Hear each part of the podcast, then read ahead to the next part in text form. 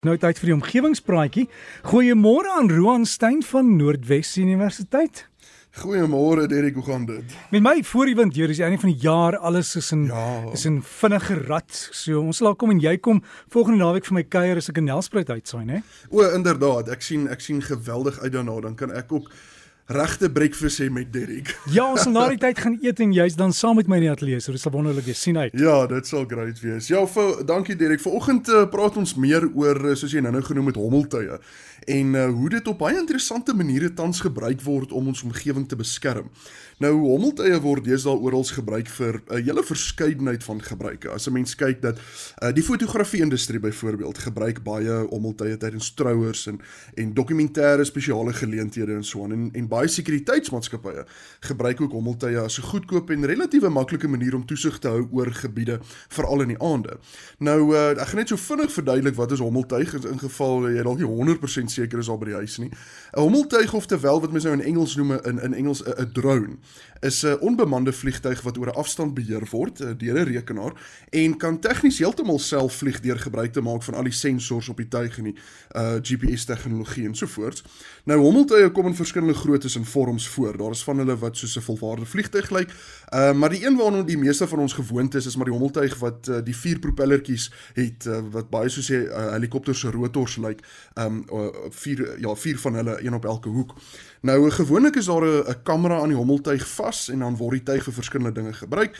En uh, net so vinnig as 'n kantlyn gesprek moet mense seker ook net noem, dit is baie belangrik om te noteer dat die gebruik van hommeltuie wel gereguleer word in Suid-Afrika en as jy een vlieg gesit na van kardinale belang dat jy presies weet wat die regulasies is. Maar vanoggend in omgewingspraatjies gaan ons nie oor die regulasies gesels nie, maar ons gaan eerder praat oor hoe die hommeltuie gebruik word in die natuur. Nou hommeltuie word al 'n geruime tyd ehm um, gebruik om toesig te hou oor baie groot velde en beboste gebiede, veral deesdae tydens bosbrande. En uh, ons gaan nou-nou spesifiek meer gesels oor hoekom hommeltuie baie goed werk tydens bosbrande. Maar een van die probleme wat hommeltuie tans in die gesig staar, is die feit dat 'n gemiddelde hommeltuig nie vir baie lank in die lug kan bly nie. Nou as die tuig uh gebruik word vir troufoto's en daar en die fotograaf het 'n paar ekstra batterye, dan uh, kan dit gewoonlik baie goed werk op klein skaal. Maar as 'n mens 'n groot kommersiële operasie wil uitvoer met 'n hommeltuig wat kilometers ver moet vlieg oor hektaarvelde, dan uh, is die beperkte vliegtyd uh, vliegtyd um, eintlik nogal 'n probleem. 'n Halfuur is eintlik eenvoudig net nie genoeg om regtig die werk te verrig waarvoor 'n sekere hommeltuig gebruik word nie. Nou is daar 'n studie gepubliseer baie interessant uh, uh deur uh, ingenieurs van die Stanford Universiteit in VSA wat 'n hommeltuig gebou het um wat kloue het van uh, die soos 'n valk wat op 'n tak kan gaan sit en rus.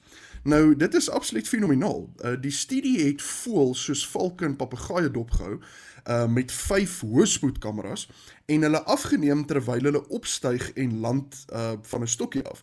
Nou daar is ook sensors op die stokkie geplaas om presies te wys watter deel van die stokkie ontvang die meeste krag en hoe die voël dan nou werklik op die stokkie eintlik balanseer. Nou die stokkie is ook van verskillende materiale gemaak om te kyk of dit dalk 'n verskil maak in die manier hoe die voël opstyg en land op die stokkie.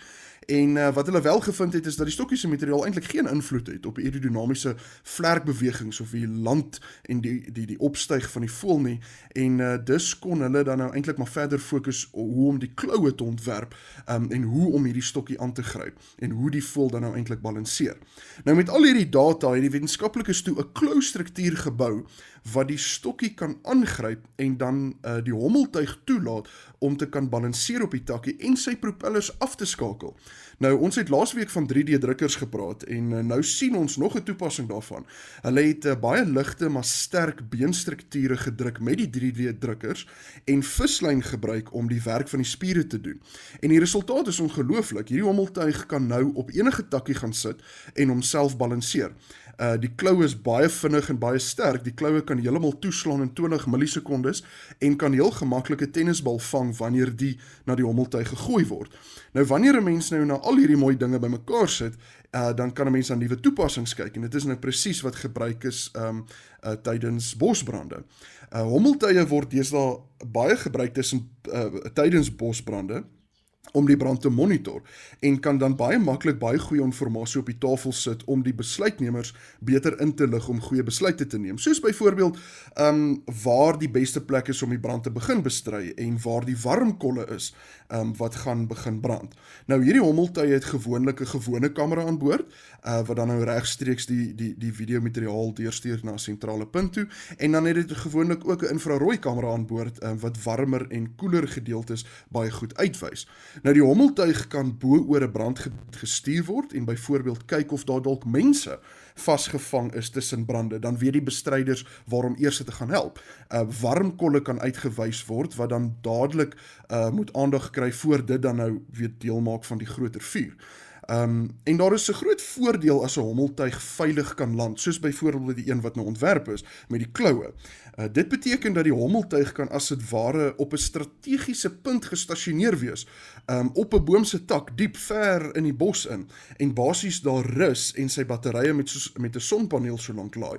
En die oomblik wanneer daardie hommeltuig benodig word om 'n vuur te monitor of om hulp uh, om inligting deur te stuur omdat iemand hulp nodig het, kan hy dan nou weer begin vlieg en vinnig inligting soos foto's en video materiaal terugstuur um, van 'n plek wat eintlik op daai stadium dan nou onbekombaar is.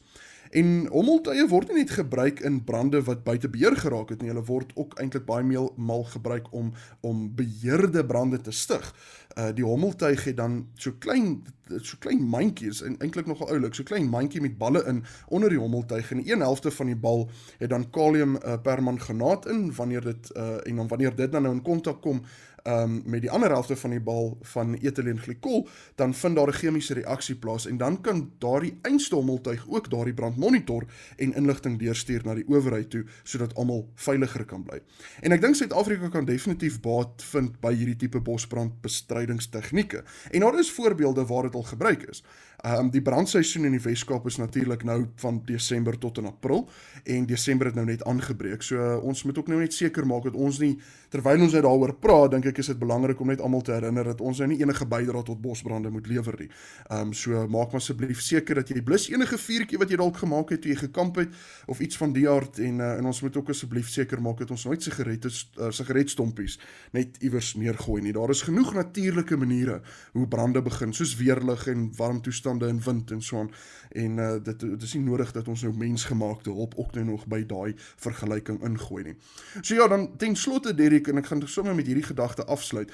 Daar is baie mense wat wonder, uh jy weet, is dit 'n slim idee? Is dit 'n goeie ding dat hommeltuie so slim word en uh, behoort ons nie eintlik 'n stokkie daarvoor te steek nie?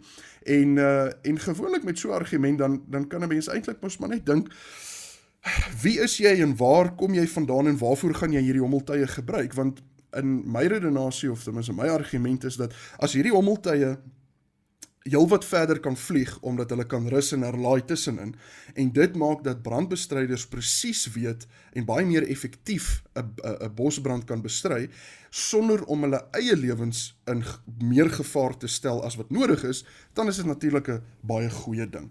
So baie dankie Derek, lekker naweek vir jou en lekker heerlike naweek vir ons luisteraars. Baie dankie aan jou ook Roan en jy kan vir Roan kontak omgewing by rsg.co.za. Plaaslik op die Breakfast Facebook bladsy. Ons altyd inligting oor sy onderwerpe. Gaan loer daar.